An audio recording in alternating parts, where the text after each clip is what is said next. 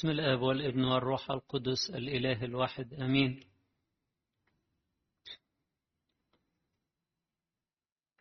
كنيسة في هذا اليوم عايزة تكشف لنا عمل المسيح في تجديد طبيعتنا البشرية من خلال شفاء المولود أعمى. السيد المسيح خلق له عينين جديدة من خلال الطين ومن خلال اغتساله في البركة. بركة سلوام اللي معناها مرسل إشارة للمسيح اللي إحنا بنغتسل في دمه في المعمودية. إحنا مش بس بنغتسل في مية مقدسة إحنا بنغتسل في دم المسيح. وبناخد فاعلية الحياة الجديدة. وبيتخلق في قلوبنا عيون جديدة وحياة جديدة في المسيح. طبعا القراءات بتاعت النهاردة كلها في الاتجاه ده إزاي إن إحنا نخلع القديم ونلبس الجديد وإزاي إن ربنا جه وعطانا بصيرة لنعرف الحق وعطانا حياة من الموت حتى الحادثة بتاعت سفر الأعمال. ال 276 واحد اللي كانوا في السفينة كان محكوم عليهم بالموت. لكن ربنا عطاهم حياة جديدة عشان خاطر في وسطهم رجل الله بولس الرسول. لكن الحقيقة أنا عايز النهاردة أتكلم شوية من وحي المحاكمة الطويلة اللي عملوها الفريسيين. عايز أفكر شوية في موضوع أهمية إن إحنا نسأل الأسئلة الصحيحة. علشان نفهم وعلشان نعرف الحق لازم نسأل السؤال الصح.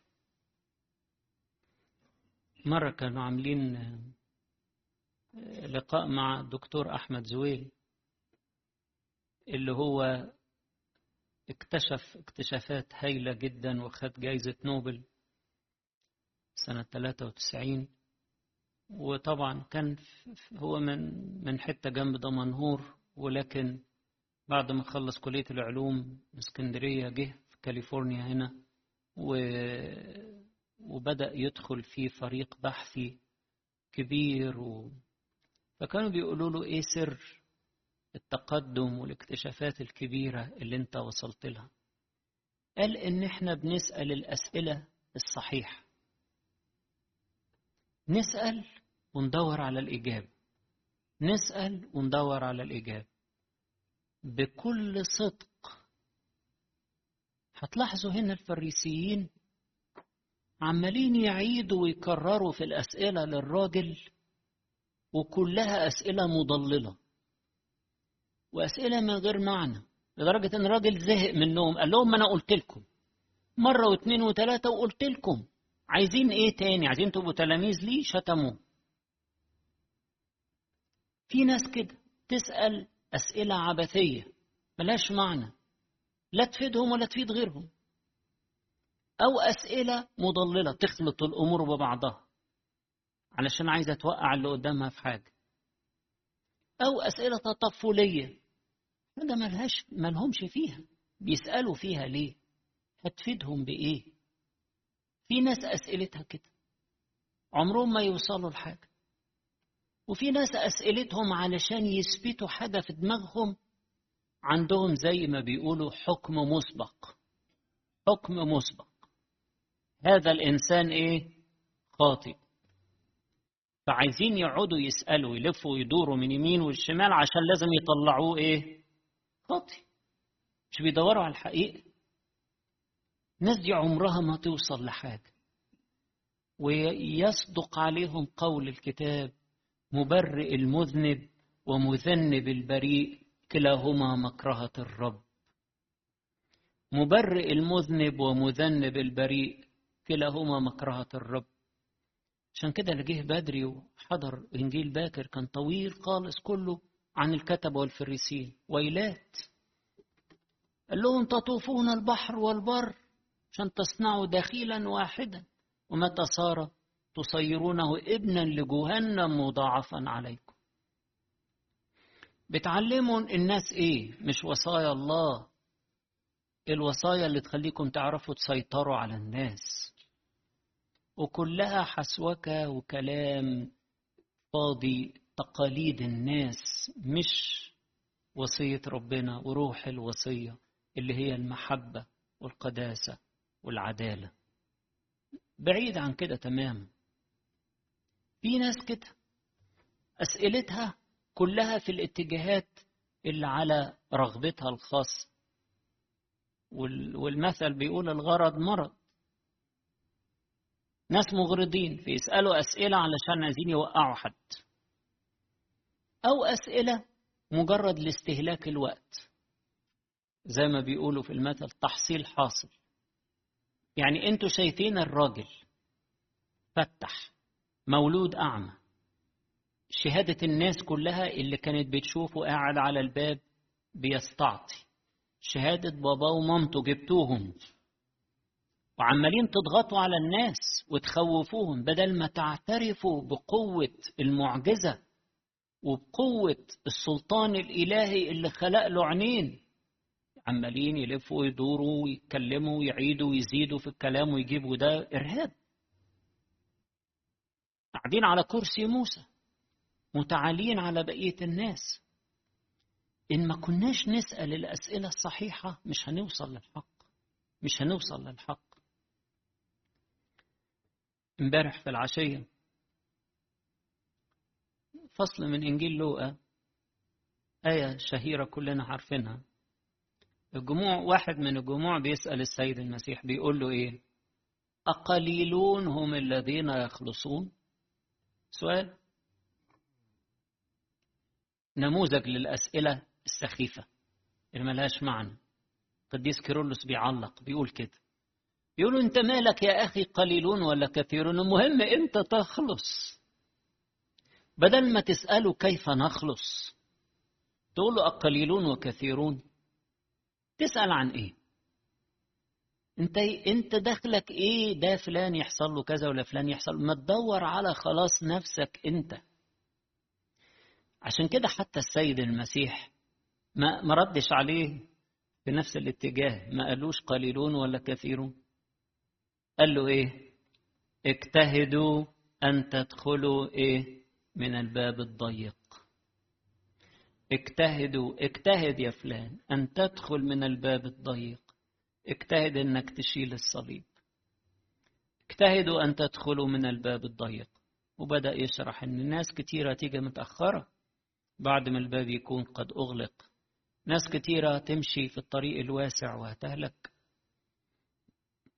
اجتهدوا أن تدخلوا من الباب الضيق. ده نموذج تاني كمان للأسئلة اللي ملهاش معنى. اللي ما تفيدش الإنسان أسئلة زي بتاعت النهارده برضو أهذا أخطأ أم أبواه؟ الناس عمالة تدور على الغلط ومين اللي غلط؟ وغلطة مين؟ ومين الخاطئ؟ يا سيدي دور على نفسك دور على عمل ربنا دور على حاجة تفيدك يعني هتستفاد إيه لما تعرف هذا أخطأ ولا أبواه وتعرف أسرار ناس وتعرف ناس غلطت في كذا. والحكاية أصلا من أولها كان فيها كذا وكذا وكذا وكذا. يا عيني الناس تقعد تسلي نفسها بالنفايات. بالنفايات. بترعى في النفايات. ليه بس كده؟ ولاد ربنا ما يعملوش كده. ما يقعدوش ينقبوا في النفايات. يطلعوا من إيه؟ بإيه من النفايات دي ومن الزبالة دي؟ يطلعوا هذا أخطأ ما بواه السيد المسيح قال لهم عايزين نبص لأعمال الله. ده ولد كده علشان تظهر أعمال الله فيه. تعالوا نشوف نماذج للأسئلة الصحيحة اللي ممكن تفيد الإنسان. الكتاب المقدس بيجاوب لنا على أسئلة كتير جدا جميلة. سؤال مثلا. إيه هي أعظم نعمة خدناها؟ سؤال مهم لازم نعرفه نعمة البنوة إن إحنا بقينا أبناء الله وورثة.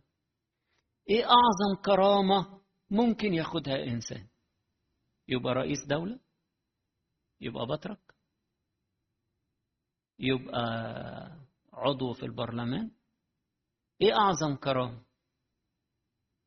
أعظم كرامة إن الإنسان ابن الله هي دي أعظم كرامة. أعظم كرامة إن إحنا أولاد الله. في أعظم من كده؟ مفيش. اللي بيجري ورا أي حاجة تانية ده مخدوع. إزاي نفرح؟ سؤال. إزاي نفرح؟ ربنا يسوع يجاوب في يوحنا 15 لما بيقول لما كلامي يثبت فيكم فرحكم يزيد.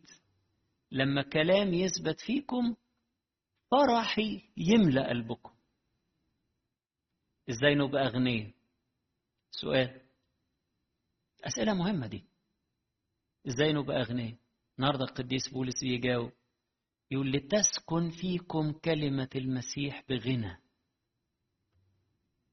نبقى أغنياء لما نشبع بكلمة ربنا. لما نقرأ كده الإنجيل لحد لما نشبع نشبع.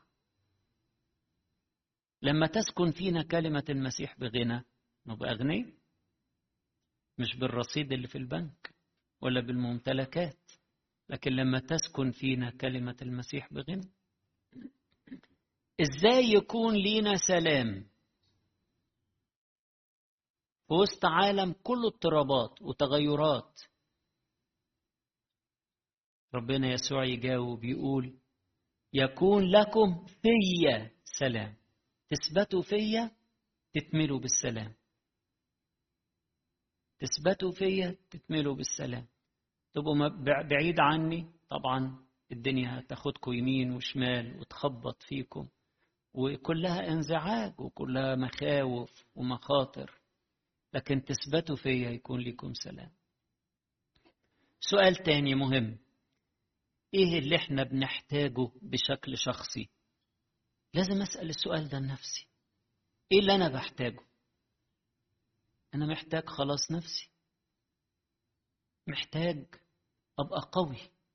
محتاج أبقى فرحان. محتاج أبقى ثابت. محتاج إيه صحيح؟ ساعات الشيطان يوهمنا زي جماعة بتوع الإعلانات يحاول يبيع لك حاجة يبيع لك فكرة يعني. فيها إعلان عن موضوع حاجة أنت مش محتاجها خالص بس من كتر ما بتشوف الإعلان والإبهار بتاعه تقول آه فعلا أنا محتاج الموضوع ده محتاج الحاجة دي. وهو الحقيقة الإنسان مش محتاجها خالص. أنا محتاج إيه؟ الحاجة إلى واحد. كل ما الإنسان بيشبع بربنا خلاص مش محتاج حاجة تانية من الدنيا. حاجتنا الأولى والعظمى هي للمسيح والمسيح في متناول إيدينا. ما هوش بعيد عننا. سؤال تاني مهم إن إحنا نسأله. أستفيد إيه من الموقف ده؟ أستفيد إيه من الكلمتين دول؟ أستفيد إيه من الكتاب ده؟ أستفيد إيه من الشخص ده اللي ربنا حطه في سكتي؟ أستفيد إيه؟ سؤال جميل ومهم. هذه الأسئلة اللي الواحد يسألها. أستفيد إيه؟ مش أطلع. يا فلان ده دمه تقيل. فلانة دي ما تطقش. بص بتعمل إيه وبتاع. أستفيد إيه؟ حتى لو حد صعب شوية ومتعب أستفيد إن أنا هتعلم الصبر.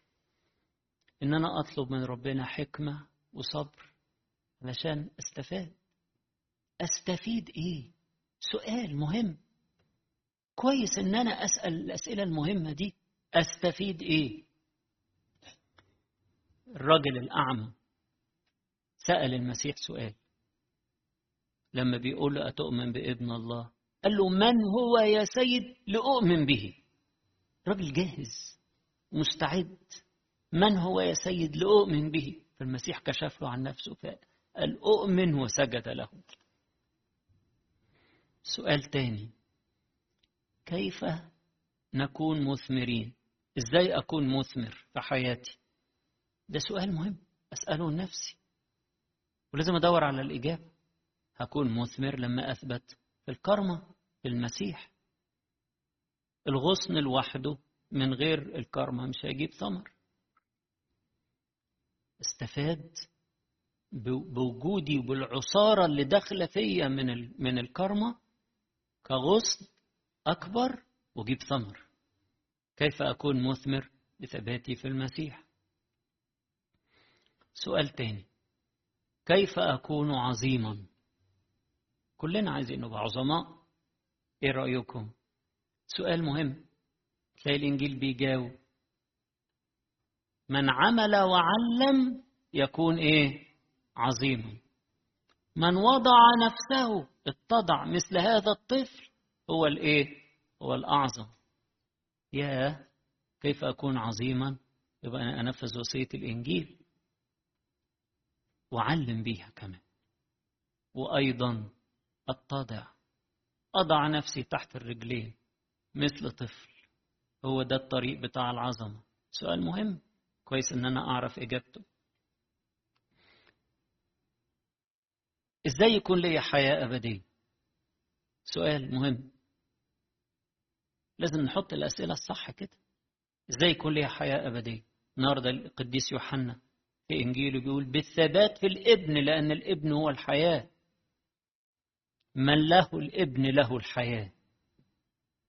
ومن ليس له الإبن فليس له حياة. بالثبات في المسيح. في إجابات كتيرة لأسئلة متنوعة إجابتها واحدة هي الثبات في المسيح.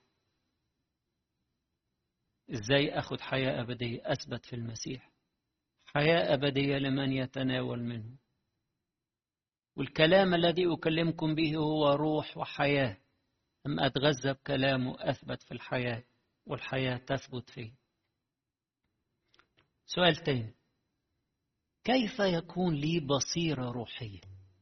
دي حاجة مهمة برضه. ده سؤال مهم. لما نقعد نسأل في الكلام الفاضي طب ما نسأل في الحاجات دي. كيف يكون لي بصيرة روحية؟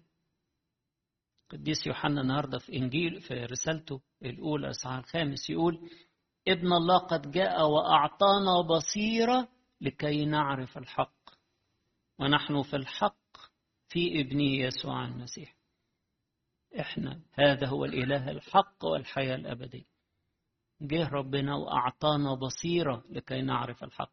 خلق فينا عينين داخلية. بتستقبل النور. بتستقبل النور. بالروح القدس اللي جوانا بنعرف وبنستقبل النور وبنفهم. يصعب عليا قوي لما يكون حد يقول لك أصل أنا مش بقرأ مش بفهم الإنجيل. بقى ادور بقى على كتب تفاسير. تفاسير إيه؟ الروح القدس اللي جواك. خلي التفاسير دي مرحلة تانية. بس نقرأ ونقول له يا رب افتح عينينا عشان نتأمل عجائب من شريعتك. نفسنا يا ربي عينينا تنور. انت عطينا روحك جوانا. وقلت لنا إن ده هيعلمكم كل شيء. هيعلمكم كل شيء ويذكركم بكل ما قلت لكم. أنا عايزه يا رب يشتغل فيا. ارشدني يا رب بروحك. أفهم كلامك. مفيش إنسان بيقعد على الإنجيل ويطلب كده وما يفهمش. ما بتحصلش أبدا. يقعد مع الإنجيل ويسأل ربنا وهيلاقي ربنا فتح له وغناه ونور حياته. إن إحنا نسأل الأسئلة الصحيحة ده شيء مهم جدا جدا. نعملش زي الفريسيين اللي هم كانت أسئلتهم كلها مضللة. لأن عندهم كبرياء وعندهم اعتقاد إن هم عارفين الحق إن هذا الإنسان خاطئ لأنه لا يحفظ السبت وإنه إنسان كذا وليس من الله. فبالتالي بيعوجوا الحقيقة اللي ظاهرة زي الشمس. وده شيء يخلي الإنسان بعيد تماما عن النور ويعيش في ظلمة وينتهي في ظلم يفتكر زمان سنة 98 كان حصلت حادثة قتل قرية في الصعيد اسمها الكشح. واحد مسيحي اتقتل من شخص مسلم. فجم بتوع البوليس علشان يحققوا فحطوا في ذهنهم من البداية إن يلبسوا التهمة لشخص مسيحي مع إنه معروف القاتل. جمعوا الشباب بتاع البلد كله بهدلوهم وهنوهم وضربوهم وسجنوهم علشان يعترفوا بحاجة ما حصلتش تحقيقات وأوراق قد كده إيه ده؟ إيه الضلال ده؟ وفي النهاية انتهت الأمور بجريمة تانية سنة 2000 اتقتل فيها حاجة وعشرين شخص مسيحي. اتقتلوا ذبح كده. اتحرقت بيوتهم. جم برضو يحققوا. طبعا دي يعني دي مش جريمة واحدة. والقتلة معروفين. برضو أسئلة مضللة كلها. خلط الأمور في بعضها. عملوا ملف ضخم كده وقدموه للقضاء. طبعا القاضي لما بيلاقي التحقيق كله فاسد بالمنظر ده كله كلام وعكسه وكله تضليل وكله لخبطة القاضي مش بيلاقي حاجة يحكم بيها. حكم حكم تافه كده. وأتى سيدنا البابا شنودة كتب قال إحنا نستأنف الحكم إلى الله. الفريسيين دي دول كانوا عاملين كده. خايفين على كراسيهم. فاكرين السيد المسيح جاي ينازعهم سلطتهم أو ياخد منهم امتيازاتهم. ومش عارفين هو جاي ليه. ده جاي يرقيهم جاي يرفعهم لمستوى البنوة جاي يرفعهم من ملكوت أرضي هش هينتهي إلى ملكوت لا يتزعزع. إلى ملكوت سماوي. يا عيني اللي مش دريان بكده يقعد يتخانقوا مع بعض على أمور الأرض. الناس لما ما تعرفش إحنا مدعوين لإيه؟ مدعوين لملكوت لا يفنى ولا يتدنس ولا يضمحل. ملكوت لا يتزعزع زي ما بيقول في عبرانيين 12 ملكوت إلهي مجيد إحنا نبقى أعضاء فيه. اللي مش فاهم كده يتخانق على أمور الأرض. ويتنافسوا مع بعض على أمور الأرض ويجرحوا في بعض ويدوسوا على بعض. ليه بس؟ علشان ما حطش السؤال الصح. أنا مدعو لإيه؟ أنا مدعو أكون قديس. إجابة بسيطة. أنا مدعو لإيه؟ إيه الدعوة بتاعت ربنا؟ دعوة ربنا ليا إن أنا أكون قديس. لأن الله هو ملك القديسين. دعوة الله لي أن أنا أكون غالب. ومن يغلب يجلس معي في عرشي كما غلبت أنا وجلست مع أبي في عرشه يعني السيد المسيح نزل لمعركتنا وخدنا فيه وانتصر لحسابنا وخدنا ورفعنا لأنه هو أصلا واحد مع الآب في المجد والعرش والجوهر. لكن خدنا إحنا علشان نجلس معه في عرش في دعوة أعظم من كده. لما نحط الأسئلة الصح وناخد الإجابات من كلمة ربنا صح عينينا تنور. عشان كده الراجل البسيط ده اللي مولود أعمى اللي كانوا بيعتبروه خاطي وبيعتبروه طبعا مش متعلم حاجة وبي... كان بيفهم أحسن منهم لأنه كان صادق مع نفسه وكان بيسأل نفسه الأسئلة الصح هل في حد فتح أعين مولود أعمى. من بداية الخليقة لحد النهاردة. كانت الإجابة واضحة بالنسبة له. لا مفيش يبقى ده من الله على طول. الراجل سأل السؤال الصح فجات له الإجابة الصح. نفسي إن إحنا النهاردة نسأل نفسنا الأسئلة الصح. هل أنا ماشي في الخطية أكمل في السكة دي؟ ثم هتؤدي إلى هلاكي. هل ينفع أكمل؟ لا ما ينفعش. على طول كده الإجابة كده لا ما ينفعش. خلاص يبقى من النهاردة ما ينفعش. يبقى من النهاردة هقطعها أجاوب بقى الإجابة الصح وأمشي صح. هل أنا هكمل في الاتجاه ده؟ لا مش هكمل. ده اتجاه ما يوصلش السما ده اتجاه يضيع مني الحياة الأبدية. يبقى أنا خلاص هقطعه من حياتي. وهكذا. قول له يا رب أنا جاي لك زي المولود أعمى. الفريسيين كانوا بيقولوا إننا نبصر.